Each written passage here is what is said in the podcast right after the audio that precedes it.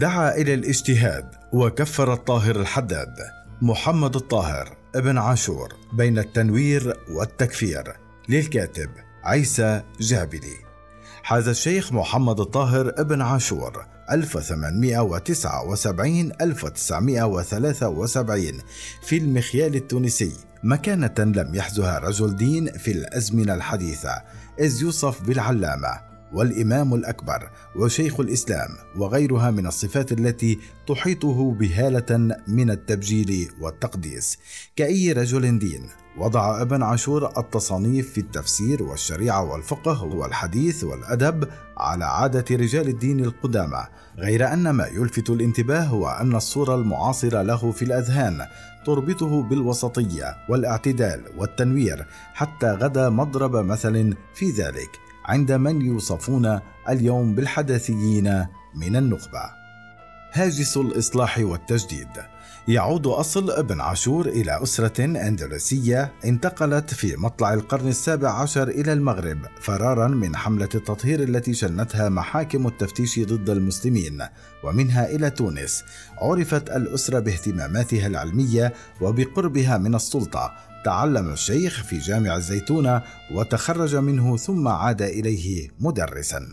شغل ابن عاشور مناصب ووظائف عدة إذ سمي نائبا عن الدولة في نظارة جامع الزيتونة عام 1904 وكان عضوا في لجنة تنقيح برامج التعليم عام 1913 كما سمي في العام نفسه قاضيا مالكيا للجماعة. وشيخ الإسلام المالكي عام 1932 وشيخا لجامع الزيتونة وفروعه عام 1944 وعميدا لجامعة الزيتونة عام 1956 عاصر الشيخ مرحلة مهمة من تاريخ تونس والعالم العربي في حقبتي الاستعمار وفجر الاستقلال.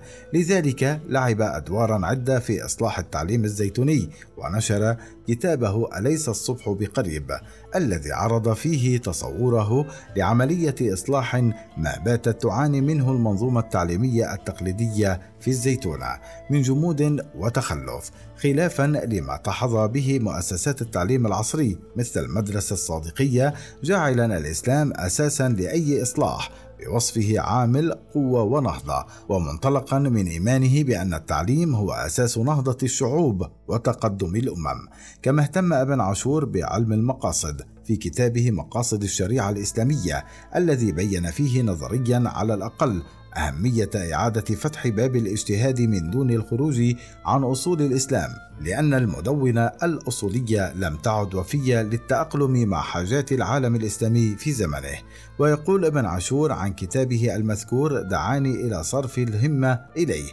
ما رأيت من عصر الاحتجاج بين المختلفين في مسائل الشريعة إذ كانوا لا ينتهون في حاجاتهم إلى أدلة ضرورية أو قريبة منها يذعن إليها المكابر ويهتدي بها المشبه عليه.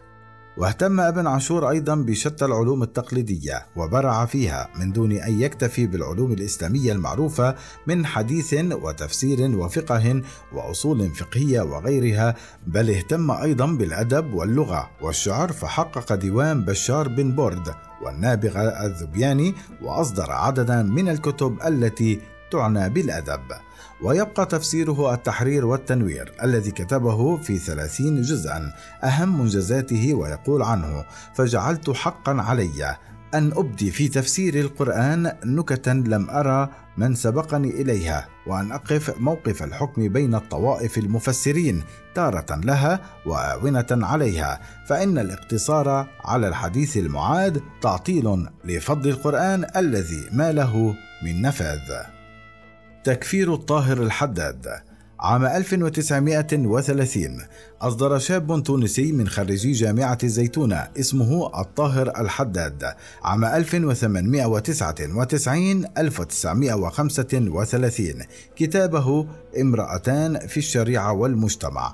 بعد قرابة سنة من تأليفه ربما كان يعلم سلفا أنه يرمي أكثر من حجر في بركة ولكنه لم يتوقع شراسة الحملة التي سيجابه بها. هو وكتابه الذي فتح عليه النيران من كل جانب. وجد الحداد نفسه وجها لوجه مع الشق المحافظ في مؤسسة الزيتون نفسها التي لم تكن لتتسامح مع من يغادر إلى بوتقة التفكير من خارج النسق الديني التقليدي. فسارعت النظارة العلمية للجامع المجلس العلمي بعد أيام قليلة من صدور الكتاب إلى إرسال رسالة إلى الوزير الأكبر خليل بوحاجب لحجز الكتاب لأنه كان مشتملا على مخالفات شرعية وأقوال لا يسع للمسلمين السكوت عنها وذلك حتى لا تنتشر تلك الأفكار العقمية وتنال الفتنة. حسب نص الرسالة التي وقعها خمسة شيوخ يرأسها الشيخ محمد الطاهر ابن عاشور نفسه مع أنه يدعو إلى فتح باب الاجتهاد.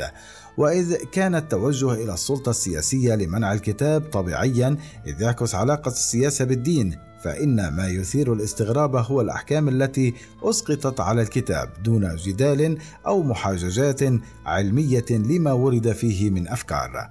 أعفي الحداد عن عمله في الجمعية الخيرية الإسلامية لأسباب واهية قبل أن يصدر تقرير اللجنة العلمية التي ترأسها محمد الطاهر ابن عاشور بنفسه وقدمت تقريرها الذي يؤكد أن أفكار الحداد خرجت عن تعاليم القرآن وتضمنت اعتداء على النبي وبعدها بشهر أعفي من شغل خطة الإشهاد.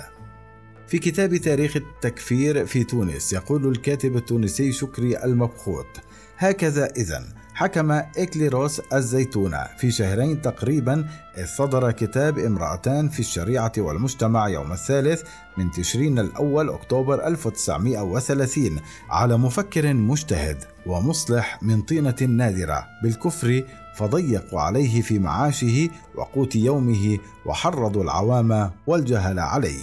أطلق الحداد جملته الشهيرة لقد كثرت المهازل في هذا البلد تعليقا على التقارير ولكن تواصلت حملة التكفير التي قادها زعماء الزيتونة وشيوخها المحافظون تحت إمرة ابن عاشور فصدرت كتب عديدة. على التوالي تهاجمه مثل كتاب الحداد على امرأة الحداد الذي صدر بعد مصادقة ابن عاشور عليه.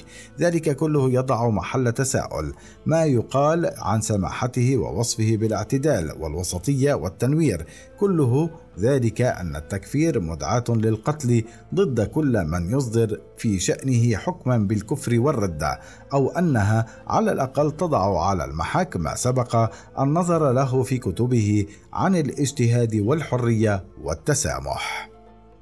حقيقة التنوير في فكر ابن عاشور البنية الفكرية للشيخ بنية سلفية أرثوذكسية لا تختلف عن البنية التقليدية المكرسة إذ يتمسك بالخلافة في رده على علي عبد الرزاق ويؤيد الجلد وقطع يد السارق ويرفض الحرية المعتقدة ويقول بقتل المرتد ونفى أن يكون ذلك إكراها في الدين ذلك أن حرية اعتقاد المسلم برأيه محدودة له بما جاء به الدين الإسلامي مما تتكون جامعة المسلمين بالاتفاق على أصوله فإذا ارتد أحد عن الإسلام جملة بعد أن كان من أهل الملة فقد نقض العهد الذي دخل به في الإسلام فيستتاب ثلاثة أيام فإن لم يتب قتل تطهيرا للجامعة من عروق الأدواء المهلكة أصول النظام الاجتماعي.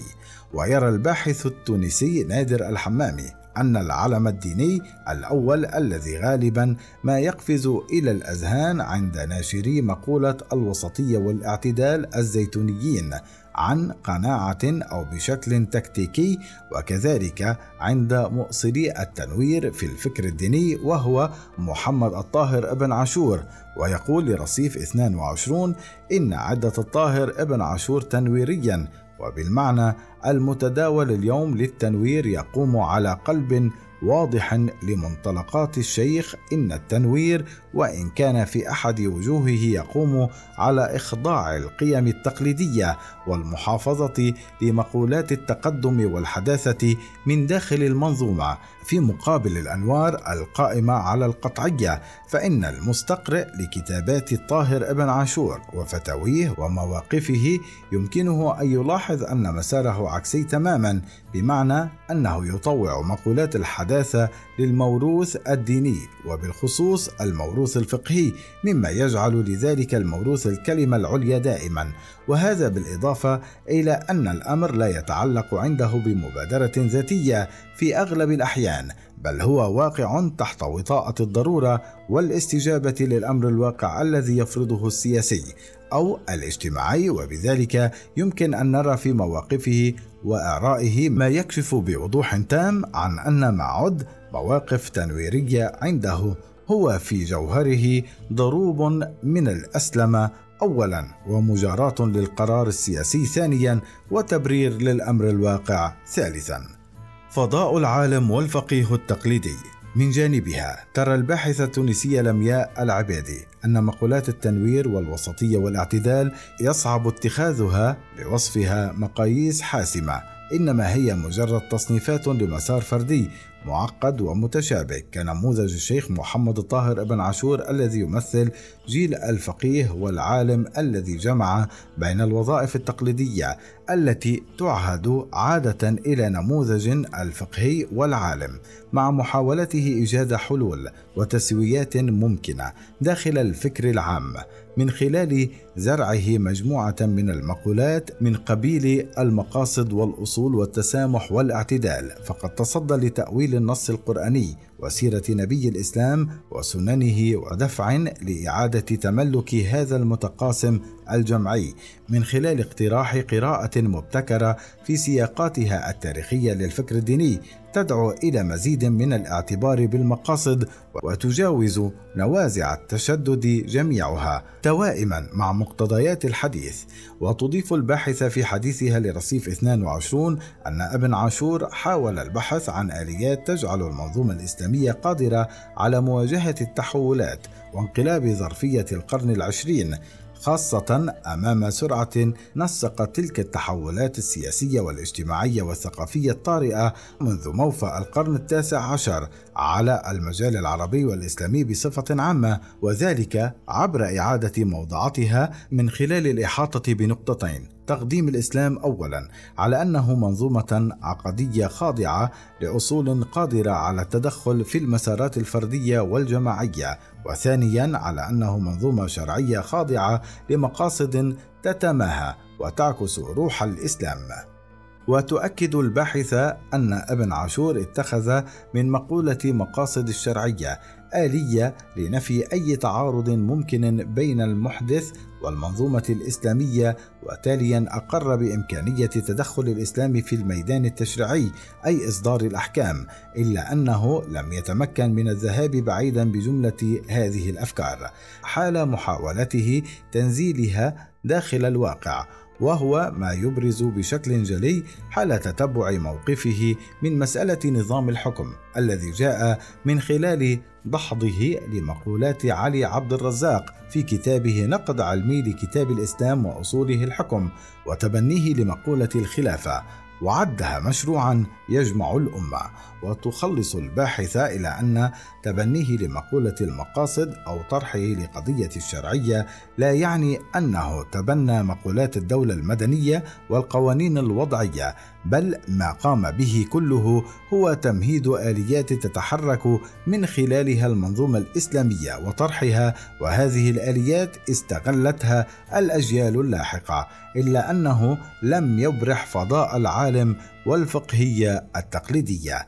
أما عن صورة الشيخ الزيتوني التنويري الوسطي المعتدل التي أضيفت إليه فتردها الباحثه إلى جملة من العوامل. أبرزها أهمية منجز المعرفي والذي مثلت فيه الإسلاميات أبرز مكون فهو تقريبا مس غالبية روافد الفكر العالم تفسير القرآن من خلال مصنفه التحرير والتنوير بالإضافة إلى الفتاوى والأحاديث بالإضافة إلى علاقته بالزيتونة فقد ارتبط مساره الفردي بالتحولات كلها التي عرفها فانتقل من متعلم إلى مدرس إلى شيخ الإسلام إلى منظر لمشروع إصلاح الزيتونة وهو ما عمل على تطبيقه لاحقا.